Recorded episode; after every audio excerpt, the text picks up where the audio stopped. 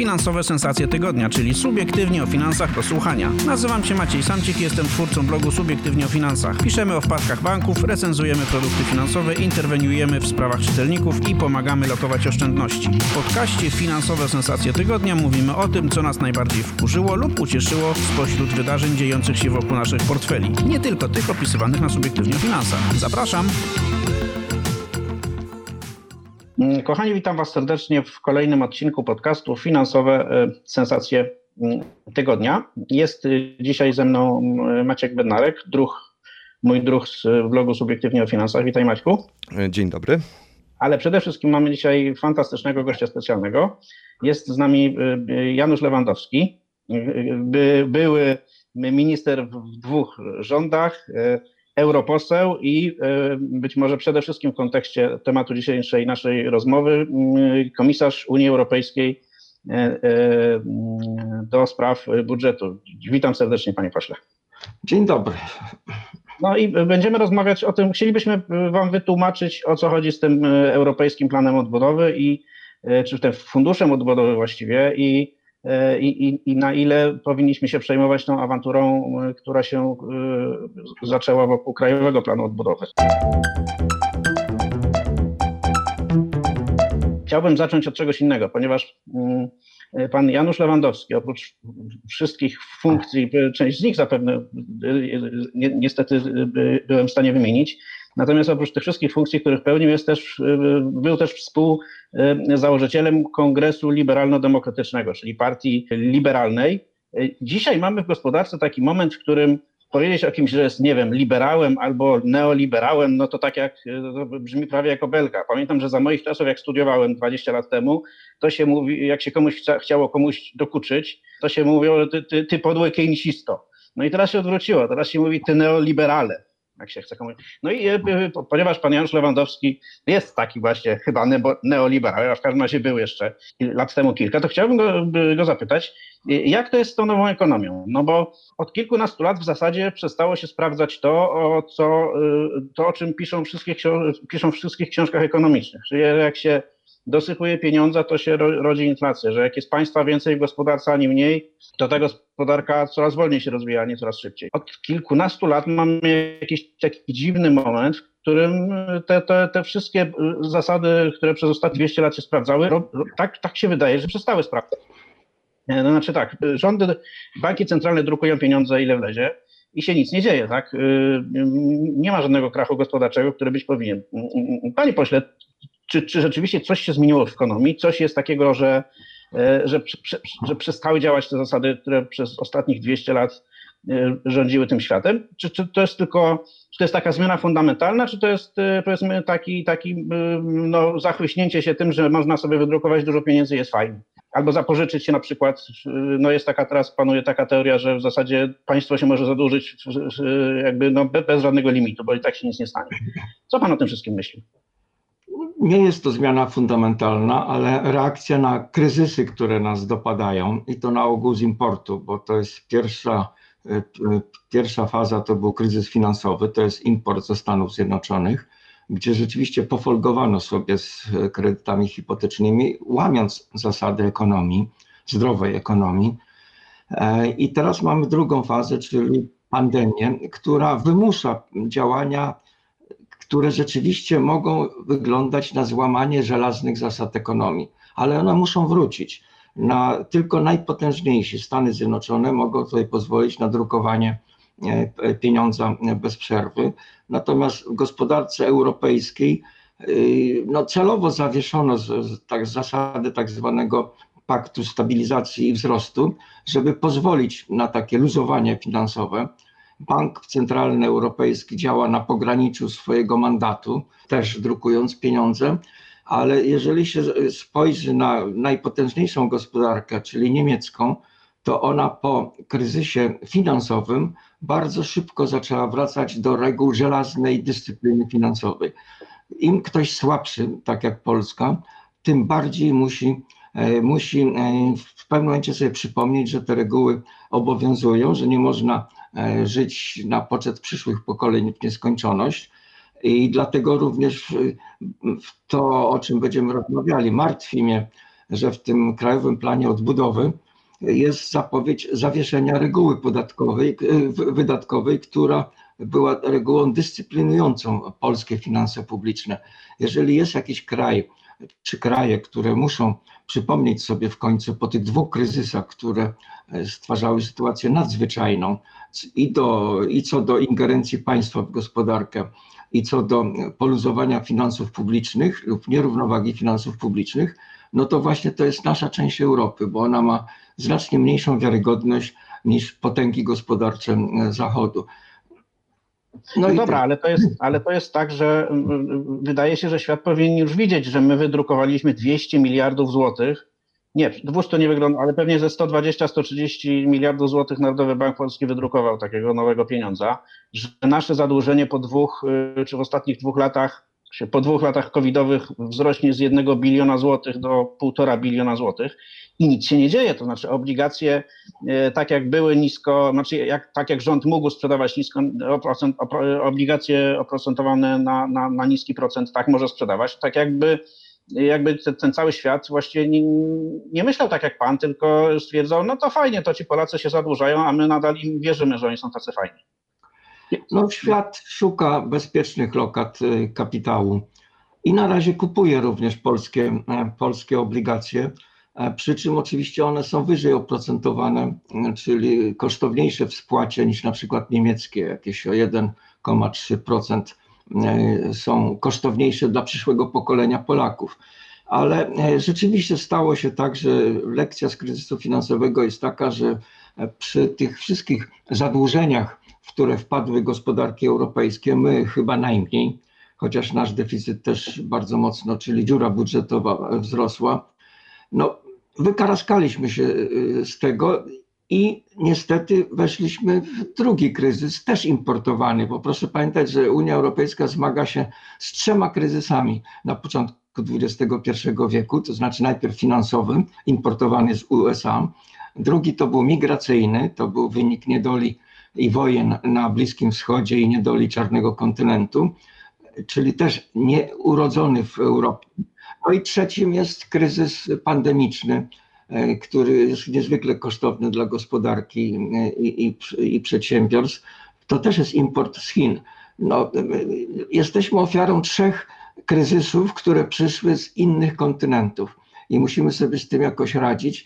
Ja jestem dość optymistyczny co do Europy, mniej optymistyczny co do kilku krajów.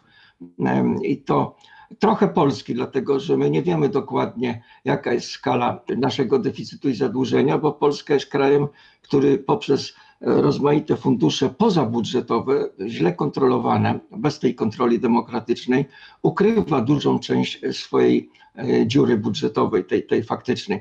Ale jeżeli można przeskoczyć do tematu wiodącego, no to jeżeli się czyta ten europejski plan odporności i odbudowy, bo on się składa z dwóch części. Najpierw się odbudować, później zyskać odporność. Tak się, tak się nazywa, to się topornie tłumaczy na, na język polski. To tam naprawdę na wszystkich pierwszych stronach jest wbite i to powinno być czytelne również dla polskiego rządu, że jednym z celów odbudowy i zyskania odporności są zdrowe finanse publiczne. To naprawdę jest cel numer jeden w tym całym europejskim programie, bardzo źle zarysowany w naszym e, krajowym planie odbudowy. Obiecuję, że tutaj co prawda e, redukcję deficytu w, roku 2022 e, i w 2023, co może być pewną niewygodą dla kogoś, kto lubi rozdawać przed wyborami prezenty socjalne. Znaczy rozumiem, że to jeszcze zdefiniujmy te zdrowe, zdrowe finanse publiczne dla, dla tych z naszych słuchaczy, którzy no, nie siedzą blisko tych spraw budżetowych. Zdrowe finanse publiczne to jest sytuacja, w której państwo nie wydaje więcej niż zarabia, niż dostaje z podatków, tak? Czy coś jeszcze? No, w gruncie rzeczy o to chodzi, o przywracanie równowagi w finansach publicznych, kontrolowanie zadłużenia. I to nie jest y, problem niemiecki czy, czy skandynawski, to jest wszystkim problem Włoch i Hiszpanii. Proszę wyjaśnić naszym słuchaczom, po co w ogóle jest ten e, plan, po co jest ten fundusz odbudowy, dlaczego Europa ma się mm, zadłużyć, co by było, jaki jest jego cel, co by było, gdyby tego planu nie było, gdzie bylibyśmy za kilka lat bez tego planu, a gdzie możemy być z tym planem, po co ten plan, mówimy tutaj, jeśli chodzi o Polskę, 770 miliardów e, złotych, część w dotacjach, część w pożyczkach. O co tutaj chodzi? Po co to wszystko jest? Bo Polska tego planu nie, nie, do tej pory tego planu nie miała i jakoś żyjemy, tak? Przeżyliśmy kryzys prawdopodobnie. No, mówił pan, już mieliśmy kilka y, kryzysów po drodze. Czy mamy naprawdę wyjątkową sytuację, że taki plan jest potrzebny? No, ruszają w tej chwili w Polskę billboardy e, z tą, z tą, astronomiczną liczbą 770 miliardów złotych. Nie ma tych 700, e, możemy do tego dojść, nie ma tych e, pieniędzy. I to jest złożenie dwóch, dwóch de facto budżetów. Jeden to jest taki regularny, którym ja się zajmowałem kiedyś na lata teraz 2021-2027. On jest dużo ważniejszy dla Polski i potencjalnie zawiera w sobie dużo większą możliwość pewnej korupcji politycznej, czyli rozdawania wedle uznania e, politycznego. No i tam jest 97 miliardów euro dla Polski na te lata. Dumnie mogę przypomnieć, że w tym moim planie, który jeszcze jest konsumowany, to było 118 miliardów euro. E, także w jakiś sposób to nie jest jakieś wielkie zwycięstwo negocjacyjne. Natomiast drugi składnik, który do tego dochodzi, do tego siedmioletniego e, planu Unii Europejskiej, który to wieloletnie te plany urodziły się w latach 80., no to jest awaryjny, awaryjny rzeczywiście antypandemiczny program, który się właśnie nazywa Europejskim Planem e, Odbudowy i Odporności no i tu Polska rzeczywiście e, ma e, alokację 24 miliardy e, euro w bezzwrotnych dotacjach i 36 miliardów w tanich pożyczkach, tylko że już wiadomo, że Polska nie sięgnie po te pożyczki. Zresztą one są niechodliwe, samorządy ich nie chcą. Polska sięgnie po 12 mniej więcej miliardów w tych pożyczkach. I nawet jeżeli poskładamy to wszystko i przeliczymy przez wygodny dla rządu jakiś przelicznik, bo to po pierwsze trzeba to zrobić w tak zwanych cenach bieżących, a nie porównywalnych, wtedy tych złotówek jest więcej, ale po drugie e, dobrać sobie jakiś przelicznik walutowy, a nasz prezes Glapiński, e, szef Narodowego Banku Polskiego, zadbał o to, żeby to był wygodny przelicznik, dlatego że osłabił złotówkę, czyli z jednego euro jest więcej e, e, złotówek. Moim zdaniem nie miało to najmniejszego sensu, bo dewaluacja złotówki by się przydała, gdybyśmy mieli jakieś problemy eksportowe, a polski eksport 2020 trzymał się bardzo mocno. Także proszę pamiętać, że e, to, co pojedzie na tych billboardach, to jest złożenie, złożenie dwóch elementów.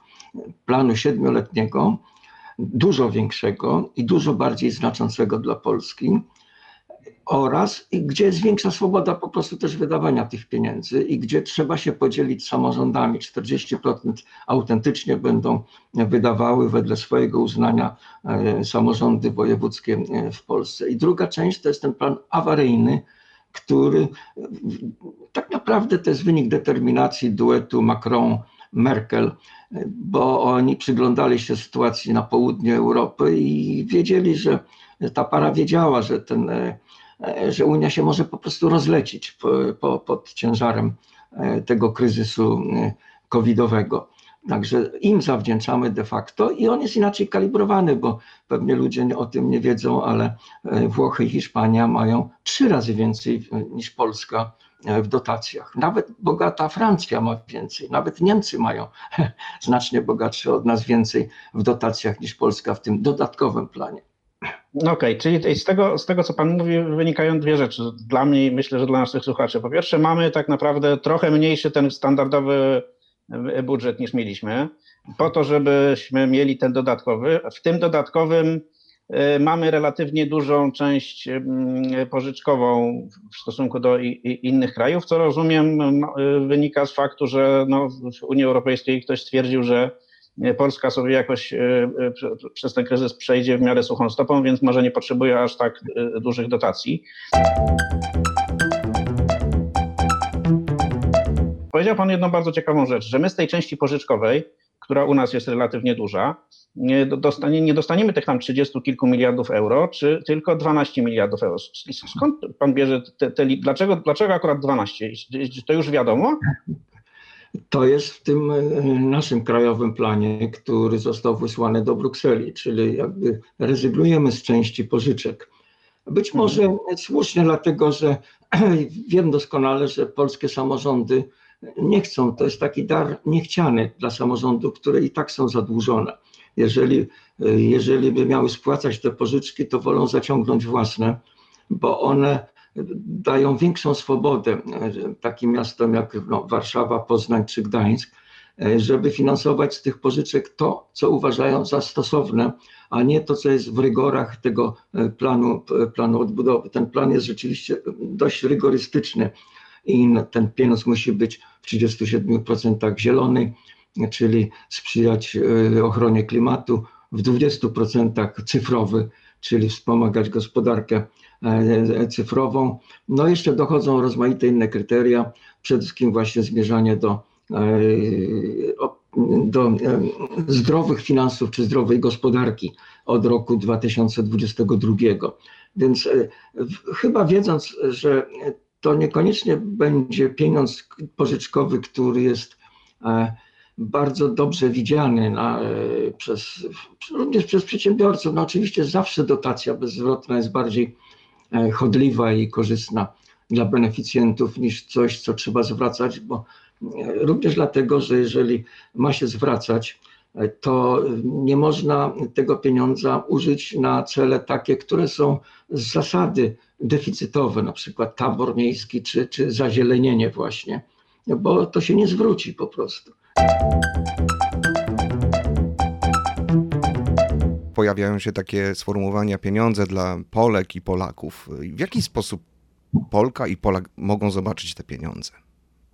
Polska jest usiana tablicami, które które sygnalizują, że to i owo, a właściwie wszystko, co jest in, jakąś istotną inwestycją, zostało sfinansowane po roku 2004 z udziałem e, Unii Europejskiej. Ten pieniądz jest o tyle korzystniejszy, ten awaryjny, że tu nie trzeba mieć polskiego wsadu, to znaczy e, w tych, tych regularnych budżetach zawsze coś trzeba było dołożyć z naszej strony. I sądzę, że e, te dobre inwestycje, właśnie które sprzyjają ochronie środowiska, e, oczyszczeniu powietrza, również inwestycje transportowe, bo Polska jest ciągle e, na takim głodzie infrastrukturalnym, jeśli chodzi o dawne zapóźnienia w transporcie, czy drogowym, czy, czy kolejowym. No one w jakiejś, no szpitale oczywiście, to nie jest pieniądz, który jest obojętny dla, dla ludzi, bo jeżeli e, buduje się bezkolizyjną drogę, no to można się spodziewać, że będzie mniej wypadków. E, jeżeli się doposaży szpitale, no to powinno się lepiej leczyć. Jeżeli się doposaży szkoły, ale to głównie z tego programu wieloletniego, siedmioletniego, no to y, będzie lepszy dostęp również gdzieś daleko od Warszawy dzieci no, do, do, do, do szkolenia informatycznego i tak dalej. To jest bardzo ludzki pieniądz, a nie tylko w beton, e, jak to się niekiedy deprecjonuje te pieniądze. No właśnie, ale czy, czy, awantura o to, co w tym planie jest, a, a, a czego nie ma, jakich pieniędzy jest za dużo, a, a, których za mało, czy można było wynegocjować więcej, czy mniej, w tym krajowym planie odbudowy, mówię teraz o tym dokumencie, który polski rząd e, przesłał do, do Brukseli, czy ta awantura jest mm, z pańskiego punktu widzenia uzasadniona? Bo mnie się wydaje, że ten, ten dokument on jest dość ogólny. To znaczy, jeśli tam jest napisane, że ma być 75 tysięcy mieszkań nowych, no to po pierwsze jest pytanie, gdzie tu jest zieloność i gdzie tu jest cyfrowość, czyli te cele, które na to, które z tego, znaczy na które Unia Europejska może dać zielone światło. A po drugie jest pytanie, czy no, gdzie te mieszkania powstaną, bo jeśli w każdej gminie powstanie po kilkanaście mieszkań, no to od tego lepiej nikomu się nie zrobi. Znaczy, znaczy można na, na tym poziomie ogólności, to można, to każdy z tych punktów, tak na moje oko, może być dobry albo zły. Znaczy nie można powiedzieć, że on jest dobry albo jest zły, bo to zależy od tego, jak te pieniądze będą wydane. Czy z pańskiego punktu widzenia jest dzisiaj sens się awanturować o to, czy, yy, czy na tych tam kilkuset stronach Y, tego Krajowego Planu Odbudowy jest trochę więcej mieszkań, czy trochę mniej mieszkań, albo trochę więcej szpitali powiatowych, czy trochę mniej szpitali powiatowych. Czy to przypadkiem nie jest tak, że wszystko tak naprawdę się zdecyduje za rok, dwa, kiedy y, no, y, zacznie się fizyczne decydowanie o tym, gdzie konkretnie te pieniądze pójdą, do których konkretnie gmin, według jakich strategii i, i, i w jaki sposób. No, surowe rozliczenie ze strony Brukseli nastąpi na koniec 2022 roku i ono musi wykazać, czy rzeczywiście Polska zrobiła postępy na drodze właśnie do zdrowej gospodarki, zdrowych finansów publicznych.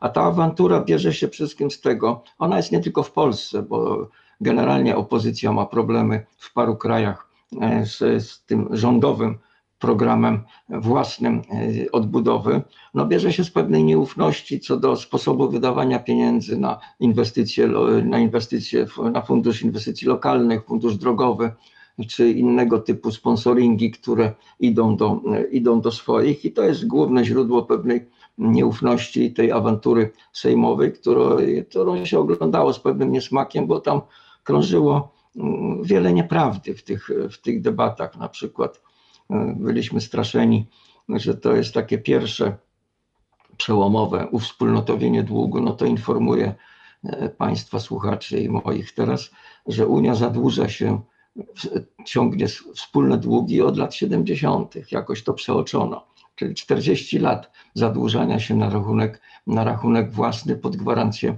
pod gwarancję budżetu e, wspólnotowego, który ma nieskazitelną wiarygodność międzynarodową. Tu jest tylko ta skala bardzo wielka, bo te instytucje pożyczkowe, które wyrosły w czasie kryzysu finansowego lub zostały uruchomione, e, no to, to jest taka skala 50-60 miliardów euro, ten, ten, ten potencjał pożyczkowy, no tu jest w sumie 750 miliardów, czyli różna jest skala, różna jest duża jest większa zawartość bezzwrotnych dotacji. Wcześniej to głównie było pożyczanie na pożyczki, a, czyli skala jest różna, natomiast 40 lat już Unia Europejska się zapożycza i jakoś to no, przetrwała, a przecież w czasie tych debat sejmowych byliśmy straszeni, że to jest jakieś wielki, przełomowy skok w integracji europejskiej, lub też, że będziemy płacili za Greków. Nie będziemy płacili za Greków. Jeżeli nawet by się rozleciał ten budżet jako gwarant lub jakieś dochody własne, no to będziemy w ostatniej instancji, która nigdy nie miała miejsca przez te 40 lat, będziemy wpłacali w razie czego w proporcji do naszego udziału w budżecie europejskim, to jest około 4% będziemy płacili teraz ponad 5 miliardów rocznie. No Niemcy będą wpłacali, wpłacają rocznie 32 miliardy. Francja grubo ponad 20 miliardów. Także no, przy tej okazji tej debaty sejmowej krążyły, no powiedziałbym bardzo, e, czasami po prostu bzdury.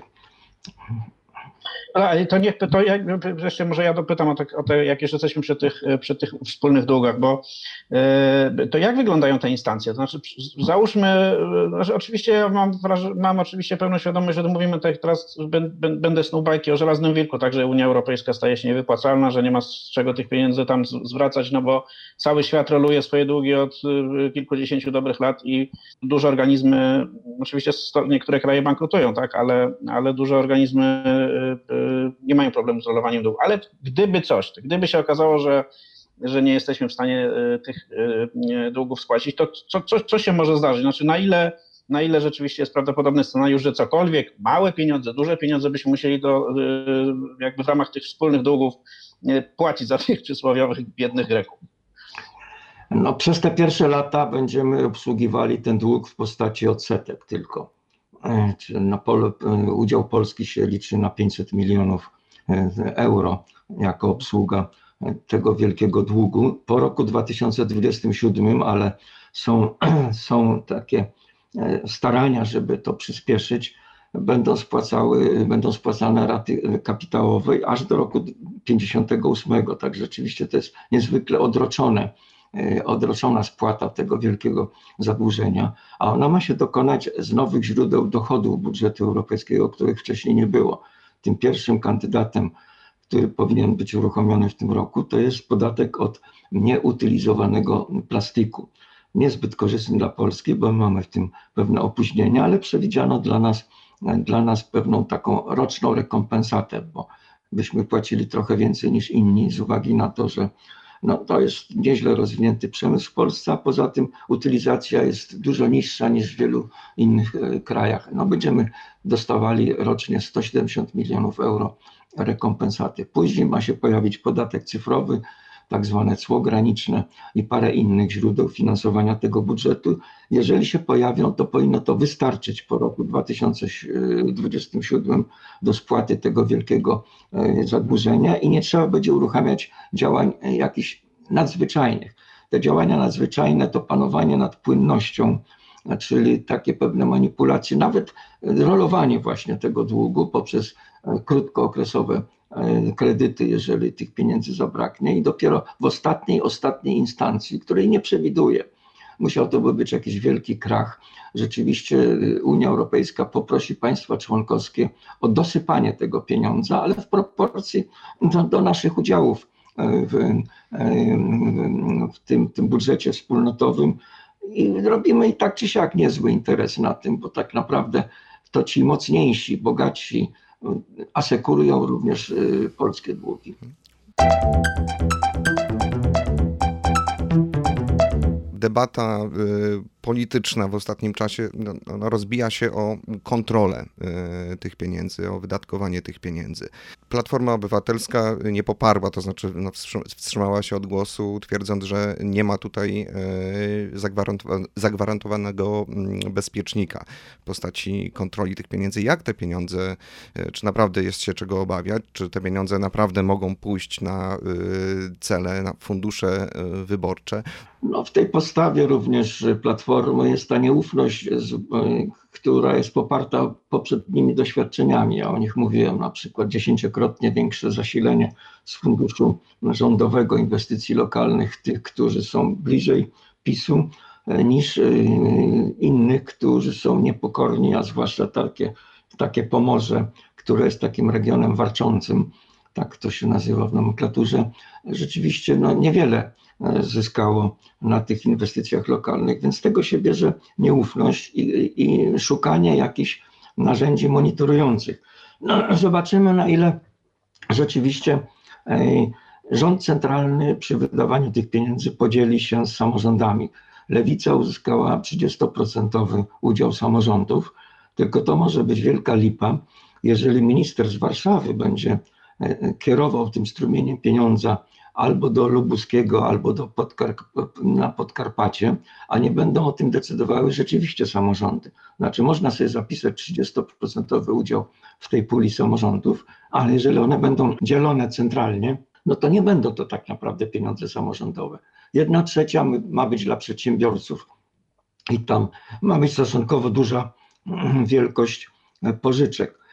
Te mechanizmy własne są moim zdaniem niezbędne, chociaż rygory tego planu są o wiele większe. Ja cały czas mówię naszej szanownej opozycji, spojrzyjcie na ten program siedmioletni budżet, bo tam jest dużo, dużo więcej pieniędzy i dużo mniej e, rygorów, czyli dużo więcej swobody w wydawaniu pieniędzy. No ale na razie ta awantura polityczna koncentruje się na stosunkowo niewielkim e, w proporcjach E, funduszu, funduszu odbudowy.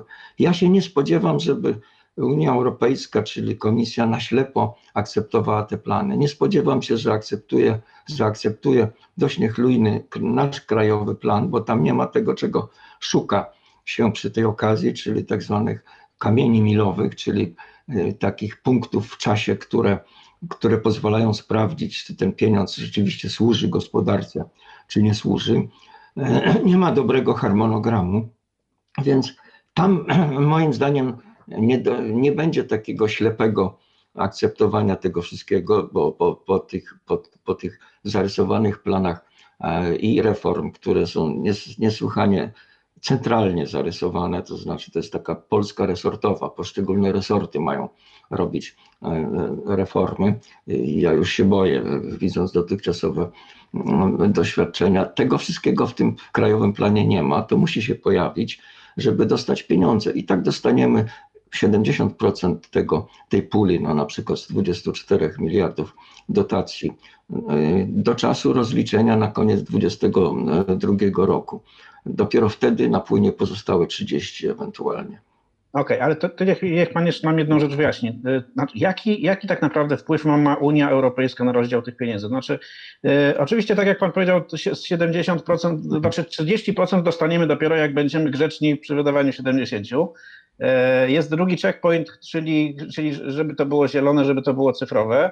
E, to, tutaj może być problem, bo w, tym, w naszym krajowym planie odbudowy to nie zostało dobrze narysowane, ale y, y, przy założeniu, że to zostanie wszystko poprawione, że będziemy mieli już jakiś docelowy plan i teraz załóżmy taką sytuację, że mamy zielone inwestycje, i teraz tak, w puli dla, y, dotacji dla przedsiębiorców zgłaszają się takie prywatne przedsiębiorstwa jak PKN Orlen, nie wiem, PZU, tak, i, i oni jako prywatni przedsiębiorcy chcą wziąć te pieniądze.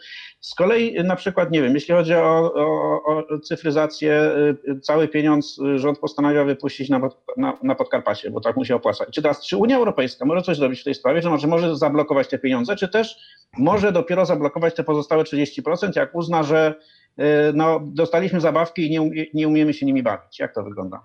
No przyjrzy się y, tej dystrybucji, czy spełniamy te kryteria formalne, czyli pieniądz zielony, pieniądz cyfrowy.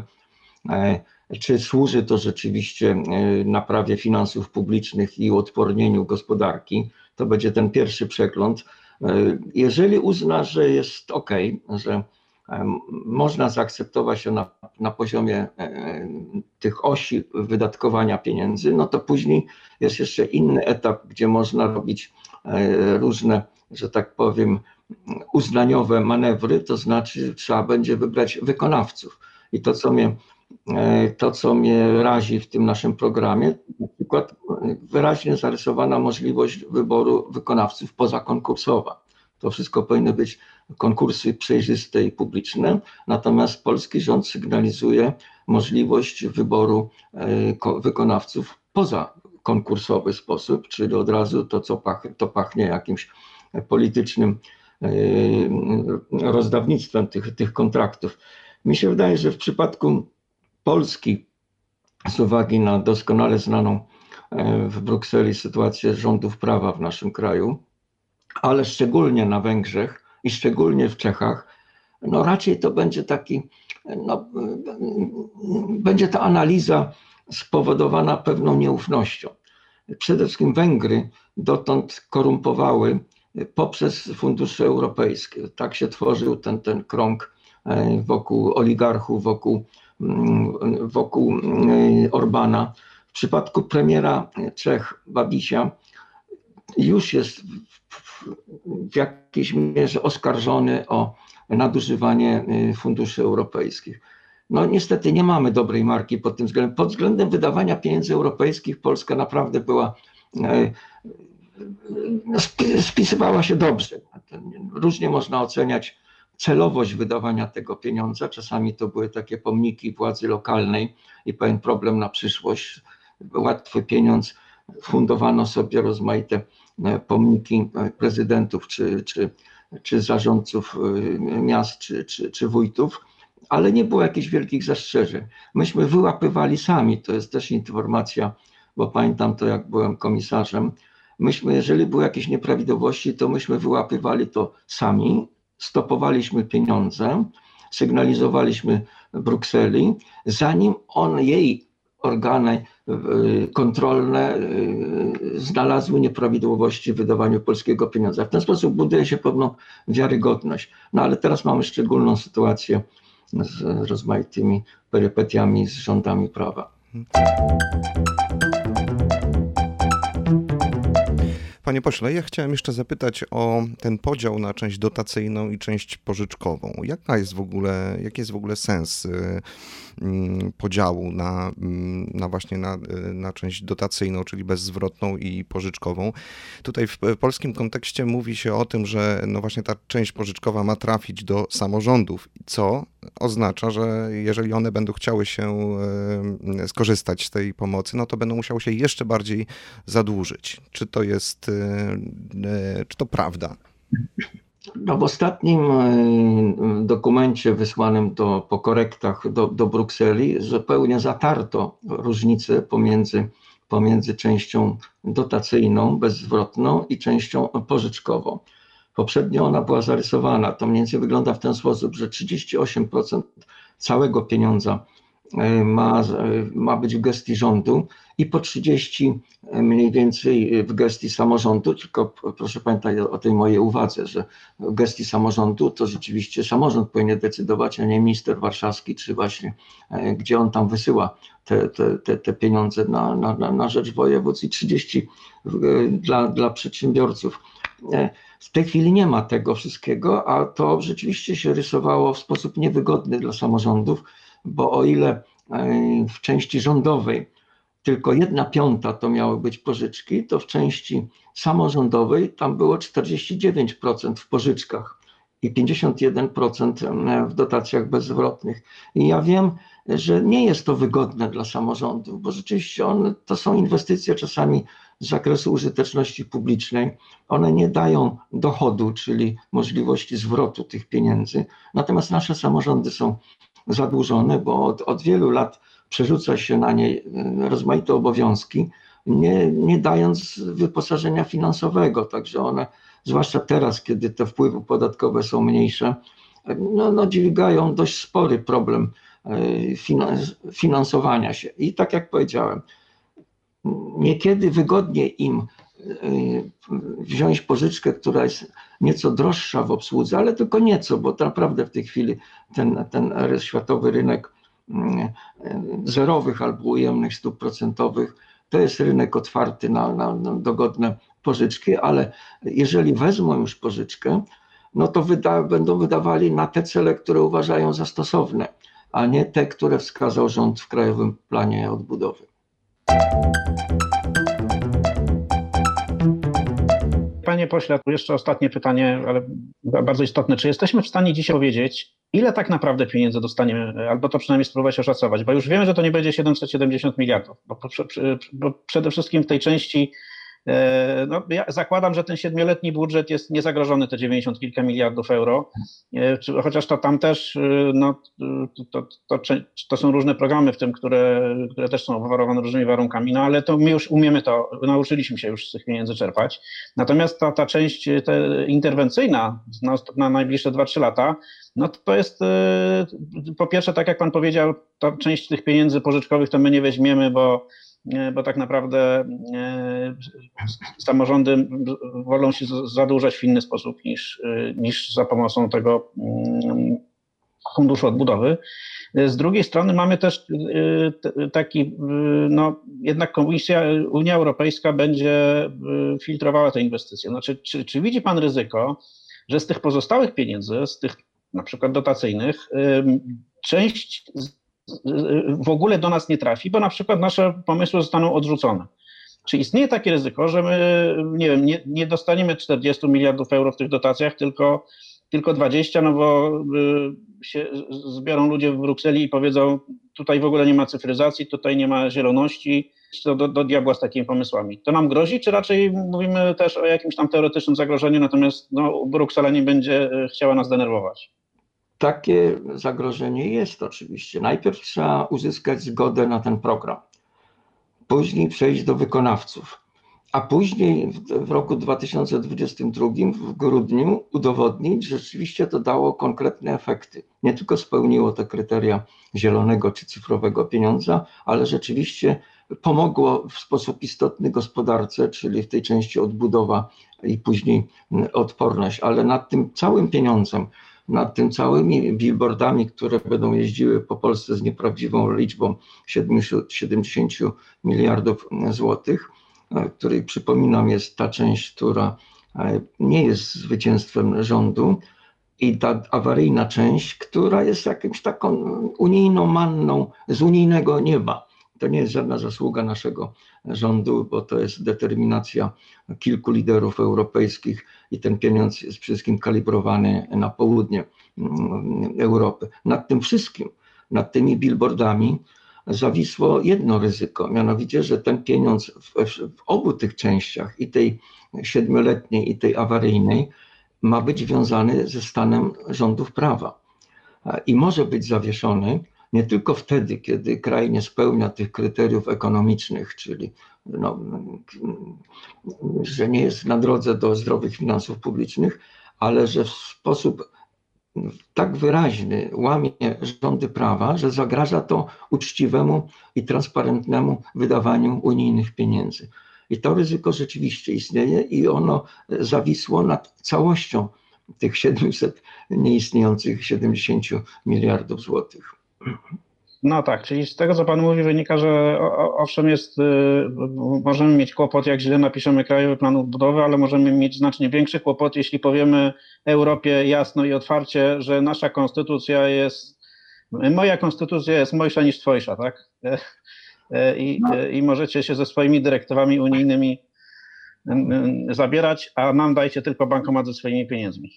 I to będzie chyba za dużo już dla Brukseli. Jest y, takie ryzyko oczywiście, natomiast rzeczywiście ono dotąd y, dotyczyło szczególnie Węgier i Czech. To były te dwa kraje, które obserwowano i wykryto, rzeczywiście wykryto y, poważne nadużycia w gospodarowaniu pieniądzem europejskim.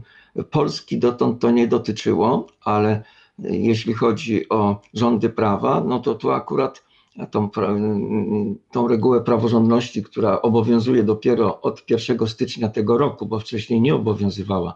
Także to, co się działo złego na Węgrzech i w, w Czechach, no to były rozmaite elementy korupcji, ale nie obowiązywała jeszcze ta zasada wiązania pieniądza z praworządnością. Od 1 stycznia obowiązuje i dotyczy Czech, Węgier, Polski, Hiszpanii czy, czy, czy Finlandii. No tak, i tego na pewno nie można nie doceniać. Bardzo dziękuję za to, że Pan też na to zwrócił uwagę.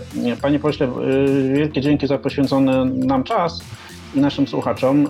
Y, chciałbym Pana mm, poprosić o możliwość powtórki y, naszej rozmowy za kilkanaście miesięcy, nie wiem, może za półtora roku, wtedy, kiedy ten Krajowy Plan Odbudowy no, wejdzie już w fazę tej fizycznej realizacji i będziemy coś mogli powiedzieć, czy te pieniądze są dobrze wydawane, czy źle, bo pańska ekspertyza w tym zakresie jest, e, jest niezwykle cenna. Wielkie dzięki za dzisiejsze spotkanie. Dziękuję za zaproszenie. Chętnie, chętnie powtórka. Super. To, a my też się z Wami już żegnamy mm, w składzie Maciek Bednarek oraz Maciek Samcik. Dzięki wielkie. Inne odcinki tego podcastu znajdziesz na stronie Subiektywnie o Finansach www.subiektywnieofinansach.pl. Zapraszam!